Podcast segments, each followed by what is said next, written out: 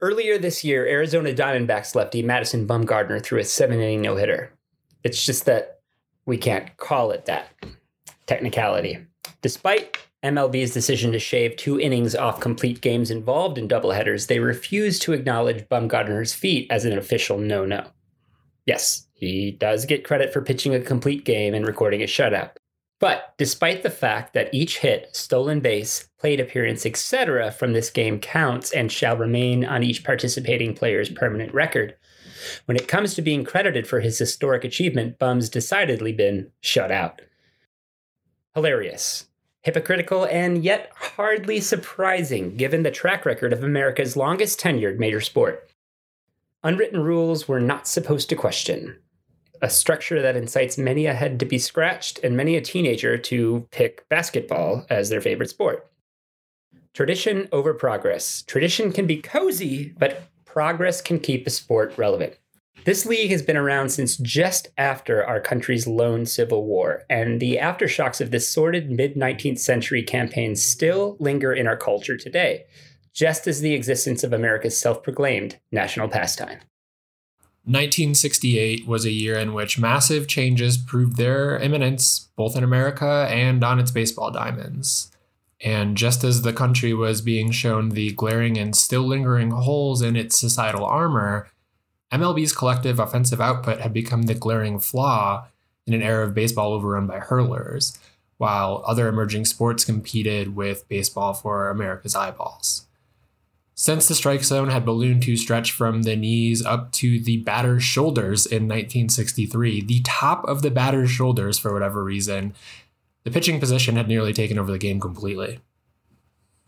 Throughout a season that became known as the Year of the Pitcher, there were an astounding 339 total shutouts thrown in 1,619 regular season games. The National League champion St. Louis Cardinals staff had 30 of them and still hold the 162 game MLB record for runs allowed, surrendering just 472. This will never be broken. I'm a calling it right now. He's a calling it right now.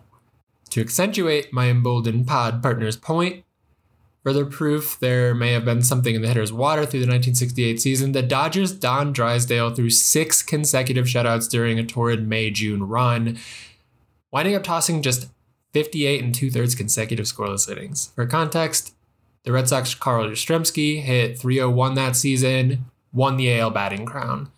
By the time the following season rolled around and rock and roll seemed to be overtaking baseball as the nation's premier sport, the strike zone was decidedly reshrunk. Speaking of changes,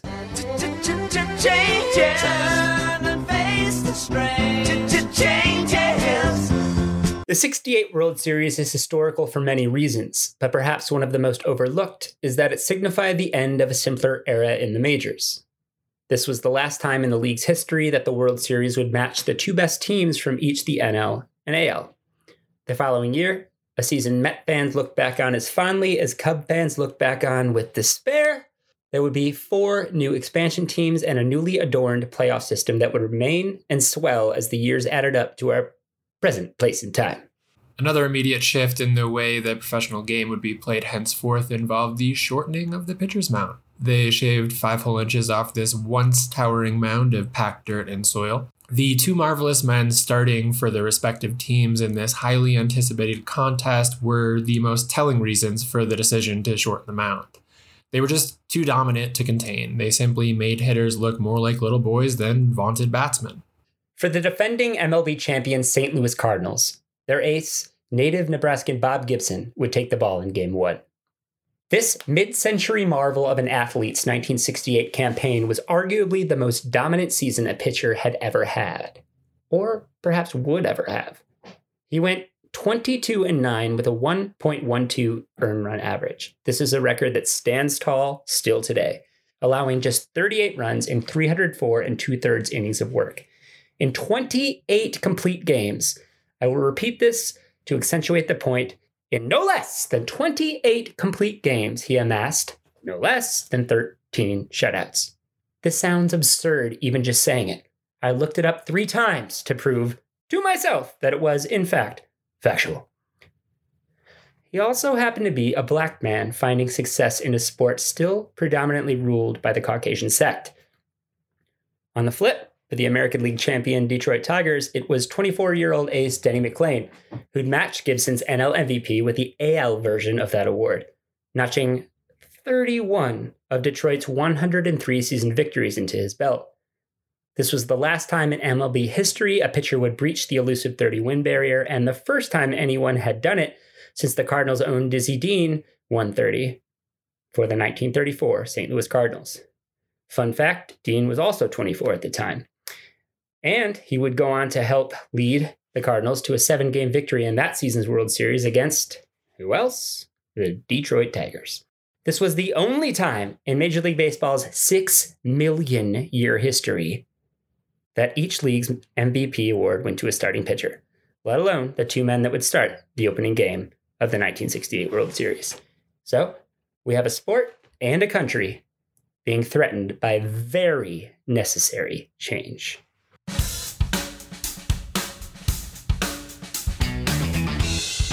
I'm Chris DeSalvo.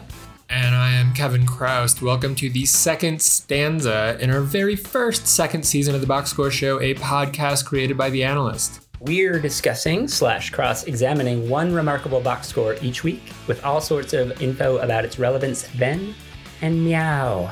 In terms of games, we try not to be too obvious with the box scores we choose. And in terms of stats, we're not going to get too advanced, not go over your or our heads. Rather, we'll stick to the stats we all grew up understanding in said box scores. After listening, check out The Analyst, where we're producing plenty of other data driven sports storytelling. That is at theanalyst.com. Without further ado, allow Kevin and myself to welcome you to the Box Score Show, Season 2, Episode 2. Gibson McLain, 68. Major League Baseball's speedy changeup. Before legendary NBC broadcaster Curt Gowdy could aptly contextualize the looming start of Game 1 of the 1968 World Series, it was very obvious to all tuning in, and for those lucky enough to be seated at the Cardinals' three year old Busch Stadium on a fittingly tense and humid early October afternoon in St. Louis, that the pitcher's duel was about to transpire. Yes, and even after the then modestly bespectacled Harry Caray, all of 54 years young at the time of the telecast, could snag the microphone away from his on screen partner to share his thoughts on his beloved Cardinals and their superstar Bob, born Pack Robert Gibson, the table had been decidedly set on this hotly anticipated opening game of the World Series It would, not surprisingly, go the distance. Kev, did, did you hear that? Hear what? As we stated in this show's opening segment, 1968 was Major League Baseball's year of the pitcher, and the lingering effects remain in 2021. Not only did Gibson shatter the live ball era record for lowest ERA at 1.12, a mark that still stands uneclipsed 53 years later, but six other starters also broke the annually elusive barrier of 2.00, the best pair of which were slated to take the mound on the unseasonably hot and muggy St. Louis evening of October the 2nd, 1968. Hailing from the tiny town of Markham, Illinois, along the southern tip of Lake Michigan, Dennis Dale McLain had wasted little time proving himself worthy of a chance to toe the rubber. Since breaking into the bigs with Detroit as a 19 year old prospect just five seasons earlier, he had certainly asserted himself as one of the American League's most intimidating hurlers in an era where pitching reigned supreme. In 1966, McLain won 20 games, 13 of which came before the All Star game, a game he was selected to start at the ripe old age of 22. Exactly, and a season later, he nearly guided the Tigers into the postseason, winning another 17 games, against 16 losses, as the ace for a staff that battled the Red Sox, Twins, and Chicago's White Sox in a heated pennant race that came down to the season's final game. Ironically enough, it was McLain who failed to lead Detroit past the California Angels on the regular season's final day, falling just short of forcing a one game playoff against Boston. McLain blames an oddly cited toe injury sustained while sleeping the evening prior. I don't know, man. There's no telling how the situation would have played in the Twitter era. My guess is not well all Denny did in 68 was win 31 ball games while compiling a diminutive 1.96 earned run average, surrendering just 241 base hits in 336 innings of work. To contextualize the history making campaign of his opponent that day, Gibson allowed just 198 hits in 304 and two thirds innings of just scaring the hell out of National League batsmen. So the Tigers easily outdistanced the rest of the American League, taking the pennant by 12 games. McLain also became the first pitcher in American League history to win both the MVP and Cy Young awards. With Gibson doing the same in the senior circuit, it marked the first and last time in Major League history that a pitcher won both the MVP and Cy Young award in both leagues, let alone each man starting game one of the Fall Classic. Though McLain did manage to set the modern standard for victories in a season, and with 280 strikeouts against 63 walks, set a Tigers K to walk ratio of 4.44 that would stand until Justin Verlander broke it in 2016. It was Gibson's prowess, presence, and execution with the seamed sphere that most MLB fans remember about this era, if they're still alive. Let alone the first game of this 68 series, a series the Cardinals would actually wind up losing to Denny's Tigers. Right. And just a season earlier, Gibson had led the Cardinals to their eighth World Series title and second of the decade. After becoming a full time starter for the Cardinals in 1961, he made his first All Star appearance a year later, won two of the Cards' four victories in the 64 series against the Yankees. think you've probably heard of them. Then he became a 20 game winner for the first time in 1965. But who could possibly forget his opus? That was 1967, the World Series versus the favored Red Sox of Boston. Gibson's performance in the 1967 World Series should have its own statue in front of the New Busch Stadium. The future Hall of Famer and former Harlem Globetrotters swingman surrendered just 14 Boston hits in three complete game victories games one, four, and the clinching seventh contest. This tied Christy Mathewson's record for fewest hits allowed in three complete World Series victories. And this is where the societal context comes into play. Mathewson's feat was accomplished for his New York Giants against the Philadelphia Athletics in the 1905 World Series. Long story short, the game had come a extremely long way from an exclusively white league that fell far short of representing the far more diverse complexion of a country on the global rise. The young nation it had deemed itself the national pastime of.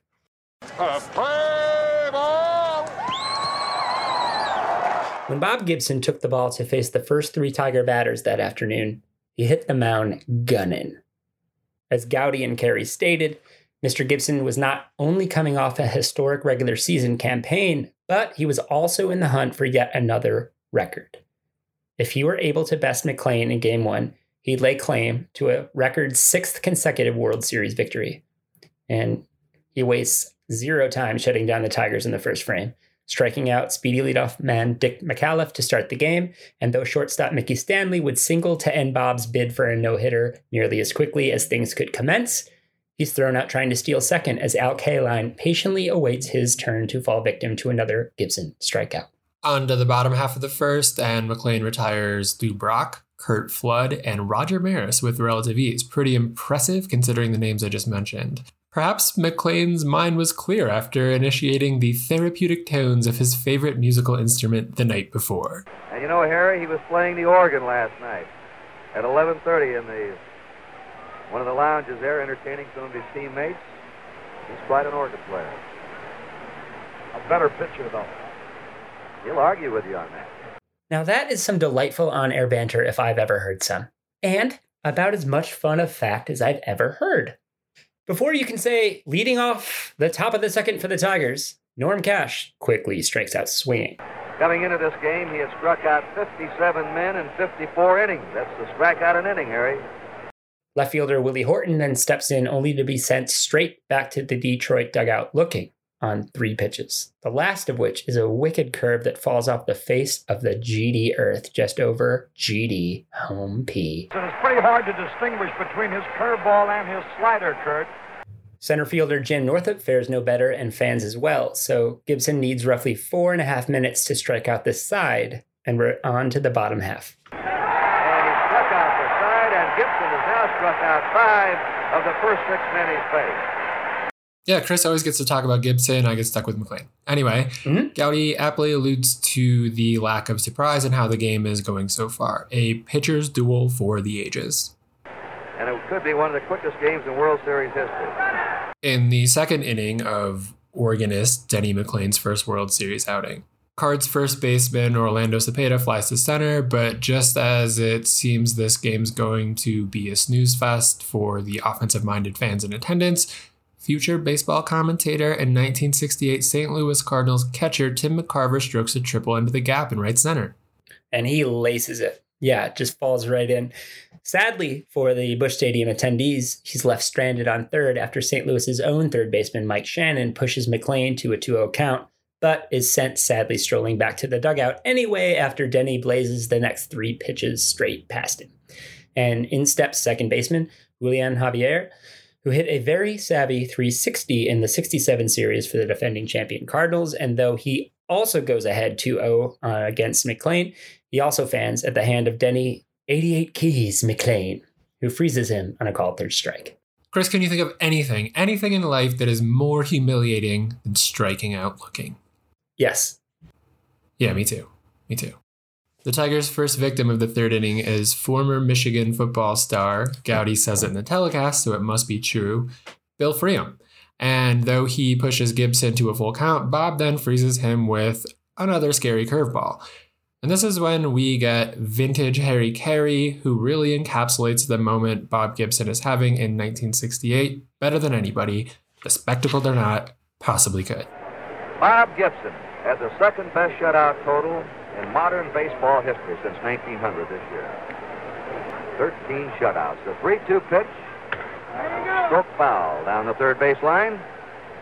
And Curt, for the first time in his career, and he's very proud of it too, he was the strikeout champ of the league with 268 strikeouts. If he continues this pace, he's going to be the strikeout champ of all time in the series. 3 2 pitch. Strike three.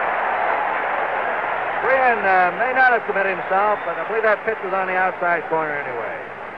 He has now struck out six of the first seven. The all time record for most strikeouts in a World Series game, 15, held by Sandy Koufax for the Dodgers in 1963. Don Wert, who hit 200 for the season, go figs, then singles to center. If he struck Wert out, Gibson would have tied an all time World Series record of six consecutive World Series Ks. It would have matched a record then. That record's since been broken. Phil Coke of the Detroit Tigers, no less, in 2012 struck out seven straight over a course of a series of games. But he doesn't seem phased as McLain steps into the box. And brings up Denny McLain, who's a good bunter, by the way. He led the American League in sacrifice bunts. Had 16 of them during the year. Now, this soundbite is uh, just ironically foretelling. Uh, if Denny McLain was a good bunter, we'll just take Gowdy's word for it because he steps into the box, attempts a bunt, fouls it off, attempts another bunt, fouls it off. And on the third pitch, he fouls that one off too. And as we all know, if you bunt on the third strike, you're out, as he is. Gibson's seventh strikeout of the day. Doesn't really seem like McLain led the league in sacrifice bunts after watching this atrocity of American League hitting. I don't know, man. Yeah, IDK.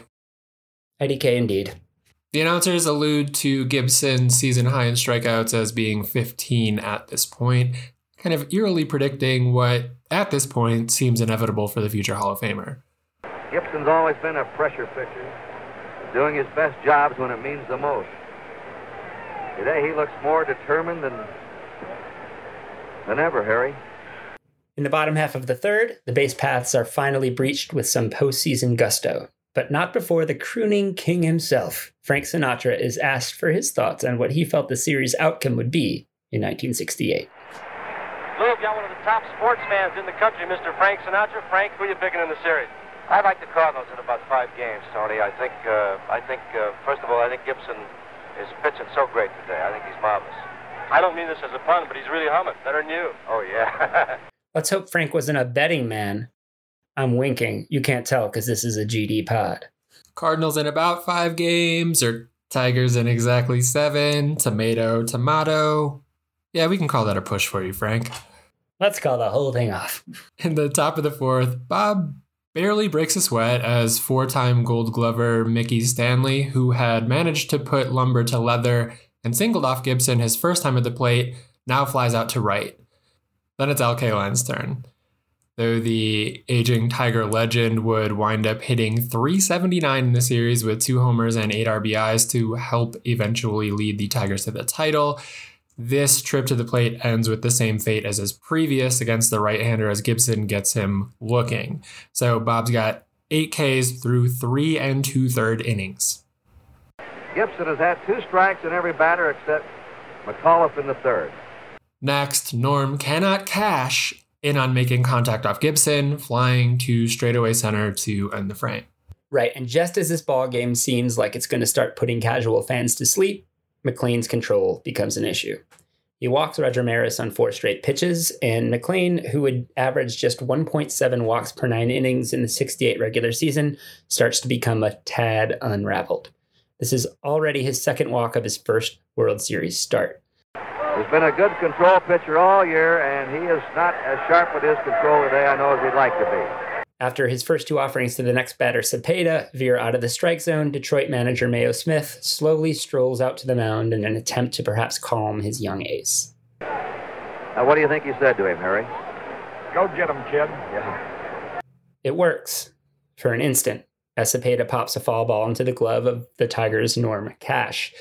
McCarver then solicits another walk off McLain, so the Cardinals have two on with one out. Mike Shannon then slashes a single to left, scoring Maris from second. Javier then drove in both McCarver and Shannon with a single of his own. This one loped into right field. So it's three to nothing Cardinals at the end of four innings. Hmm, so we're not yet halfway home, and our pitcher's duel has thrown us a curveball? That's gold, Jerry. Gold. So now the man who still holds the record for the lowest earned run average in history now has a three run cushion at home heading into the top half of the fifth inning. And the fast moving right hander continues his relentless assault on the heart of the Tigers lineup. Despite the superimposed list of AL home run leaders seen flashing on screen as the inning opens, citing Willie Horton's 36 round trippers, putting him in second place just ahead of recently retired White Sox beloved broadcaster Ken Hawk Harrelson's 35, Horton pops a flaccid fly into Javier's glove at second for the first out. And though Northrup next pushes Gibson to a full count, he eventually lines out for out numero dos. And though Tigers catcher Freehan draws Gibson's only walk of the game, Don Wert fails to do any damage with the runner on, striking out looking, becoming Gibson's ninth K victim in five innings of two hit work. Gibson has fanned nine men in five innings. That's what he had at the end of the first five last year in the opener at Boston. The youthful Harry Caray is exactly right. Gibson's consistency is nearly as impressive as his dominance. And now it's McLain's turn to right the ship for Detroit. There was some speculation as to whether or not someone would have pinch hit for Denny in the previous frame had Wert managed to not strike out, but the 24 year old is back out there to face the Cards' best hitters in the fifth. And just as Caray's lauding Brock for being one of the league's most exciting leadoff men, he quickly grounds to Wert at third, and after a Flood pops to McAuliffe at second, it appears Denny's retained the control he'd lost in the previous innings. Fan favorite and the man who arguably still holds the single season record for home runs, hot take, Roger Maris then grounds to Cash at first, who muffles the ball, allowing Raj to take first. This is the third error of the game for Detroit. Kind of embarrassing, given they won 103 games and are playing in the World Series. Luckily for the Tigers, McLain stays focused and easily handles next batter Cepeda, who's looking to get something cooking, having amassed a less than stellar slew of World Series numbers hitting just 158 against the Giants in 62 and a paltry 103 for St. Louis in 67. But this is not his moment as he drives one deep to left center, eliciting Caray's now famous, That's a drive! The deep left center! Take it easy, Harry. The inning's over. Have a cold one. Hell, have two Budweisers. McLain manages to further sandbag the floodgates for Detroit. Interesting choice of words. Yes, yes, I thought so too. I thought so too.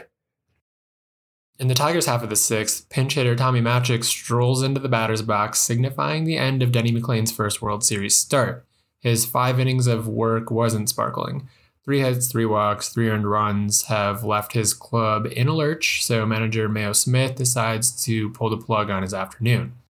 The 24 year old had coincidentally enough started in the Cardinals organization, as Caray kind of charmingly points out, just before Magic grounds to Cepeda, who's again happy to contribute defensively, having failed to produce at the plate.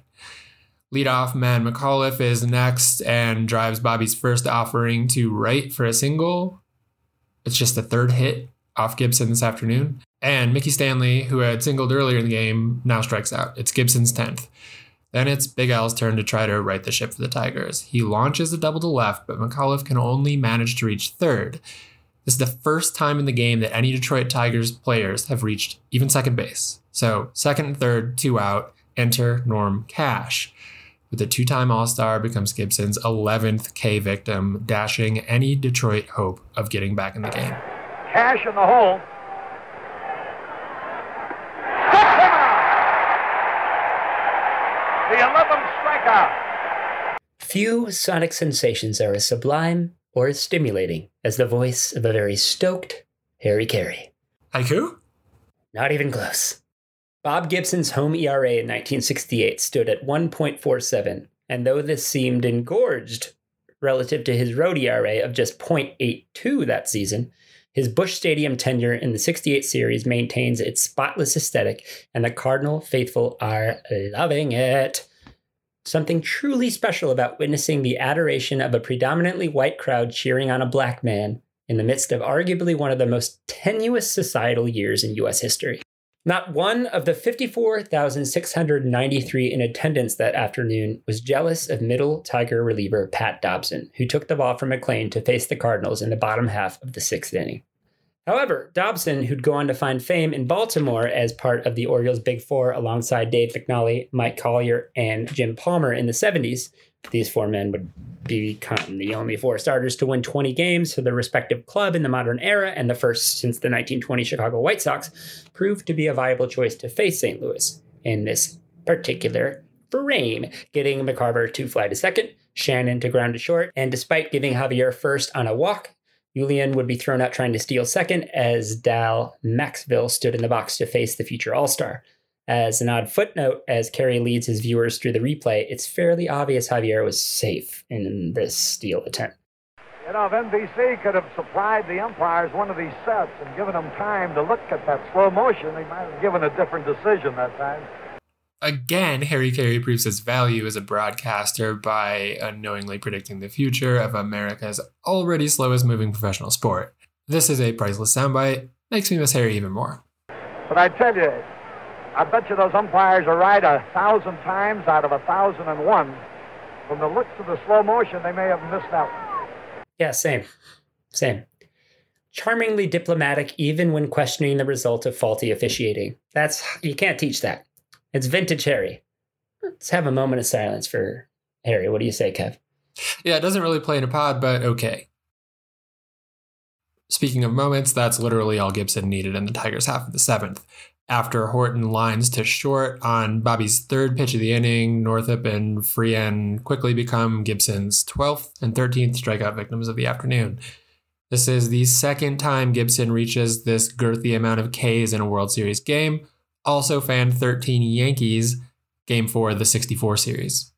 Detroit skipper, don't forget to hold the Mayo, Smith, fresh off winning his Lone Sporting News Manager of the Year award, decides to stick with Dobson. And though he hadn't yet found the form that would make him so invaluable to Earl Weaver's Baltimore squad some three seasons into the future, he's able to handle Maxville, who pops to cash at first, and Gibson, whose at bat results exactly the same way.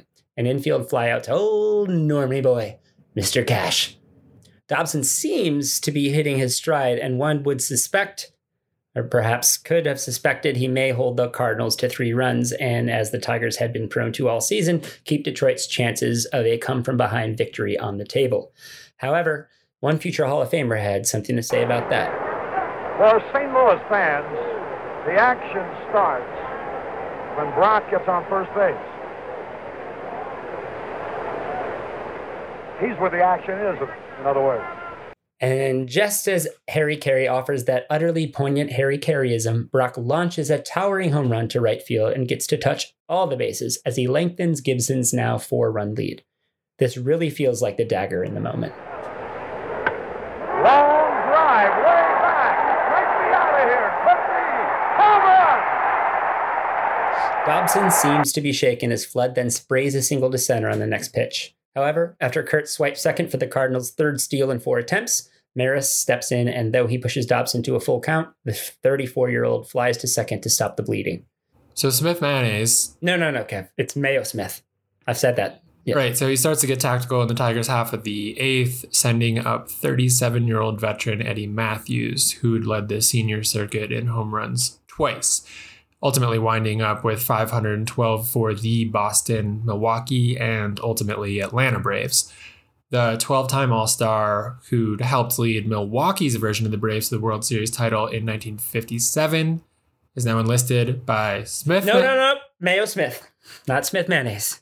So Smith sends Mathews to face Gibson in place of Don Wert, who, though he had one of a handful of Tigers hits off Bobby, struck out looking foolish his last trip to the plate. And as the old saying goes, when in doubt and the game's hanging in the balance, bring in the veteran with experience, and he'll likely strike out swinging. Just on four pitches. 14 Ks now for Gibson. The next strikeout, if he gets one for Gibson, will tie the World Series record for strikeouts in a game. Smith's next lineup change is Gates Brown, one of the preeminent pinch hitters in the league in 68, who's sent to bat for Dobson. Brown flies to left, and McAuliffe does the same to end the top half of the eighth. So after eight innings, Bob Gibson has sent 14 Tigers batters back to the visiting dugout as humbled as the day they were born. Interesting phrase. I mean, you you wrote this episode, dude. I know that's why I said interesting phrase. LOL. I spoke sans irony. Very rare for you, Chris DeSalvo. That's me. I like to keep them guessing. And for those of you listening at home, keeping tabs on our vocabulary, irony's definition is the opposite of what's expected or said. Back to the pod. Speaking of guessing games, though it was anyone's guess as to whether or not the Cardinals had this one all but wrapped up, it was everybody's guess as to whether or not Gibson's victory would come in decidedly historical fashion. He'd already surpassed his own impressive personal record for strikeouts in a World Series start. Now, could he tie or perhaps best Sandy Koufax's mark of 15? But first, Chris, should we talk about the uneventful bottom half of the eighth? Absolutely, Kevin. Okay. Assigned to me again. Hmm, curious. A Yeah, frame curious. in which four Cardinals make the trip to the plate, and it goes down in exactly this way. Cepeda now facing 38 year old Tigers reliever Don McMahon, a man whose best days should have been far behind him, but after posting a 1.54 ERA with nine saves in 32 games for the 1957 MLB champion Braves, a title he hoisted with Mathews, who interestingly pinch hit for Detroit an inning earlier as a relative youngster, had posted a very impressive 2.02 ERA with a 3 and 1 record in 20 appearances for these eventual 1968 MLB champion Tigers. What an informative digression. Thank you, Christopher. So, Cepeda fouls out into the catcher's mitt. McCarver grounds to Cash at first, who tosses to McMahon, covering the bag. And though Shannon's able to best McMahon with a single to center, Javier overreaches for a gift of a pitch, flies out to center, ends the frame. And now it's Gibson's turn to shatter more baseball history in the ninth inning. Fittingly, we have another baseball legend to contextualize this moment better than either of us ever could. Gibson can tie the record for consecutive wins in a World Series. He can set a new World Series record for six complete games in a row. He can tie or break the strikeout record for a World Series game in this ninth inning. No major league pitcher had nor has been at the cusp of such indelible postseason history, and Bob wasn't showing any nerves. Mickey Stanley had collected one of Detroit's four hits to this point in the game, a first inning single that Gibson hardly noticed en route to fanning the rest of the frame's batters. Gibson's first two offerings to Stanley in this frame are low and away. Bobby quickly evens the count. After Stanley fouls off the next pitch, you can sense the palpability of the moment as the fans are decidedly hushed, hanging on every pitch. giving Gibson all the auditory room he needs to zero in on history. The next 2 2 pitch is also fouled back, and another, and another. The groans of disbelief hemorrhage to life throughout Busch Stadium's gallows. Somehow, Stanley connects on a Gibson fastball, and the Tigers find a pebble sized ounce of hope to cling to. Well, the Tigers are four runs behind. But this is a plucky ball club all year long. The ninth inning was the one that they turned ball games around in. Though Harry's baseball instincts were usually right, and he was correct in citing the 68 Tigers' late inning offensive prowess, Gibson seems about as shaken as a stirred cocktail on the 15 inch Busch Stadium mound as he eyes Detroit's face of the franchise, slowly strolling into the batter's box. Kaline had doubled to set up the lone scoring chance the Tigers had really had in this game, and his first cut is of the murderous variety. Seems the veteran came out swinging. As Caray describes Gibson's arsenal of pitches, the fastball, slider, and curve, proof that great pitchers do more with less, Gibson blows another heater past Kaline. Now what, Harry? Curveball? I think you'll go with the mustard. Let's see. Two strikes, no ball. Turns out this game's got mayo and mustard. Kaline takes the next pitch, which is low and away. The 16 year veteran fouls off the next offering. Gibson goes upstairs and Kaline chases it, fouling it back against the cage. And though during Kaline's storied career the big guy averaged just 58 strikeouts a season, the next pitch is as fast as they come and sinks just enough. The pitch to Kaline. Got him! Listen to the crowd. Bob Gibson's just tied the World Series record for strikeouts in a game, and the crowd stands and cheers as loud as perhaps Busch Stadium's faithful had ever reached decibel wise. Again, given this time in America's topsy turvy history, it's a chill inducing moment in which a black man is being cheered by a predominantly white crowd, all of which have risen to their feet to honor him. It gives me chills just regaling it for you right now in this moment. The game literally pauses for longer than Gibson seems comfortable with, and yet, once the uproariousness of the moment subsides, barely, he's more than ready to face his 16th strikeout victim, Norman Dalton Cash. Cash, 0 for 3 to this point, has already found twice, being baffled by the freight train of a right hander whose will to continue his dominance seems to swell with each pitch, despite the relentless, oddly poignant heat of the early October afternoon in southeast Mizzou. Gibson's already locked down at least 1K an inning, but doesn't seem to be satisfied as he's quickly getting ahead of Cash 1 and 2.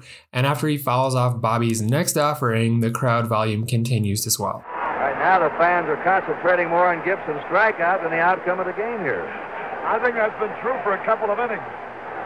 After a couple more foul tips, Bob Gibson leans back to start that mighty rotation.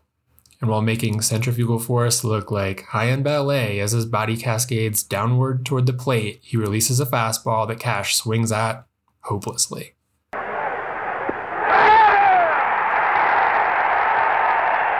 again, a standing ovation. A new World Series record. The game then pauses. Gibson just sort of shrugs, and as he humbly steadies himself and tosses the new ball into the mid a few times, he seems slightly whelmed by the resurgence of the Cardinals fan pandemonium as the 54,000 plus go ballistic for their historic hero. A man who wouldn't have even been allowed to play in the majors just a generation earlier. And in steps Willie Horton, who'd had a sensational breakout year in 1968, establishing career highs in homers, hits, walks, slugging percentage, OPS, and strikeouts, fanning 110 times in the regular season. But this moment is about his opponent, who's staring down at him from that towering Busch Stadium mound smack dab in the middle of the lone diamond anybody cares about right now. As usual, Caray is very quick to remind us of how special Bob's day has been. Gibson's going to pick up records today like a vacuum cleaner, Harry. One ball, no strikes. High pop foul back. He got two strikeouts in the first, three in the second, two in the third, one in the fourth, one in the fifth, two in the sixth, two in the seventh, one in the eighth, two so far in the ninth. A stat line that proved about as unfathomable as Gibson's contextualized excellence in this game. After Horton fouls off the 1 1 curveball Gibson offers, Caray begins to audibly salivate as everyone in attendance once again rises from their seats to cheer their hero on. Biggest crowd ever to see a baseball game here. Gibson fires a breaking ball Horton nearly bites at, and the count goes to 2 2. The next pitch is a slider that buckles like a belt on a cowboy's trousers. Horton stands as frozen as the waters solidifying on the banks of western Lake Erie during a Detroit January evening and Gibson's done it. 17 strikeouts in a complete game shutout in the World Series. He got him! Struck him out! Look at the scene on the field. McCarver, the first one. Now his infielders all over him. A new world's record of 17 strikeouts in one game. Yeah, it's an epic end to an epic game. Epicness all around. As was stated by the jubilant Caray earlier in the telecast, Gibson's historic day still remains one of the most impressive moments in MLB history, postseason or otherwise. It's his sixth straight complete game victory of his World Series career. He'd go on to extend the record to seven in Game 4. And by fanning 35 Tigers in the 68 World Series, he'd establish yet another mark for on mound excellence. Dating back to his first World Series against the mighty 64 Yanks, Gibson's stamina for success was unmatched. His eight inning outing against New York in game two of that series in his Fall Classic debut proved to be the last time he wouldn't go the distance for the Cards in the World Series in his next eight starts, seven of which he'd win on the world's biggest baseball stage. As we stated in the Open, he wiped the Red Sox off the postseason map in 1967, throwing three complete games shutouts and striking out 26 Boston batsmen in 27 innings. As a prelude to the game we just broke down for you, he completed just 28 of his 34 regular season starts in 1968, including a stretch in which he won 15 straight games. He'd once again beat Detroit and McLain with a complete Game 4 victory, a 10 1 Cardinal rout, a game Gibson also homered in. It was his seventh World Series win, which to this day is tied for second all time behind Whitey Ford, who went 10 and 8 in 22 World Series starts. But Gibson's seven straight World Series wins remains a record to this day on which we record this pod. Ford is also first with 94 career strikeouts in the World Series, though that took him 146 innings. Gibson's next best of 92 yeah, those came in just 81 innings. As for those 17 Ks in a single World Series game, no one has come anywhere near it since. The highest from 1969 on? 12 by Tom Seaver in 1973, and the same number by Orlando Hernandez in 2000. As for the postseason as a whole, Kevin Brown came close in 1998 with 16 for the Padres, while Gerrit Cole, Mike Mussina, and Livan Hernandez managed 15 each. Sadly, the 68 series was not in the cards for Gibson and St. Louis, and the Tigers celebrated a 4 1 Game 7 win. Detroit's Mickey Lolich, as it happened, ended up winning three games in the series instead, all complete games. So, in consecutive seasons, different starting pitchers won three games in a World Series. It's happened once since Randy Johnson in 2001, though he only made two starts. For Gibson in 68, if it hadn't been for a misjudged fly ball off the bat of Jim Northrup by Curt Flood in the seventh inning of Game 7, which ultimately led to a two run triple for Detroit, perhaps Gibson would have outlasted Lolich and the Tigers for an eighth straight complete game World Series victory in nine career World Series games. All good things must come to an end. Just as in this moment, this episode that we are very proud to have presented to you does as well. That is it for the Box Score Show. This episode was written by Chris DeSalvo and Dunkin' Donuts Double Shot Espresso. Thank you so much for listening. We'll be back, and until then, head over to theanalyst.com for plenty more data driven storytelling. Send suggestions for box scores you'd like to hear about on the show or read about on the site to editors at theanalyst.com. And please let us know what we overlooked in this box. That was Kevin Chroust, and I'm Chris DeSalvo. This has been The Box Score Show, a production of The Analyst and Stats Perform. Before legendary NBC broadcaster Chuck Gowdy could aptly You said Chuck again. You said Chuck again. it says Curt right on the page. I'm that asshole that would have a pet or a child and name it Charlie and just call it Chuck forever. I hate the name Chuck. It's so ugly. It's terrible. yeah, yeah. Why would I say that?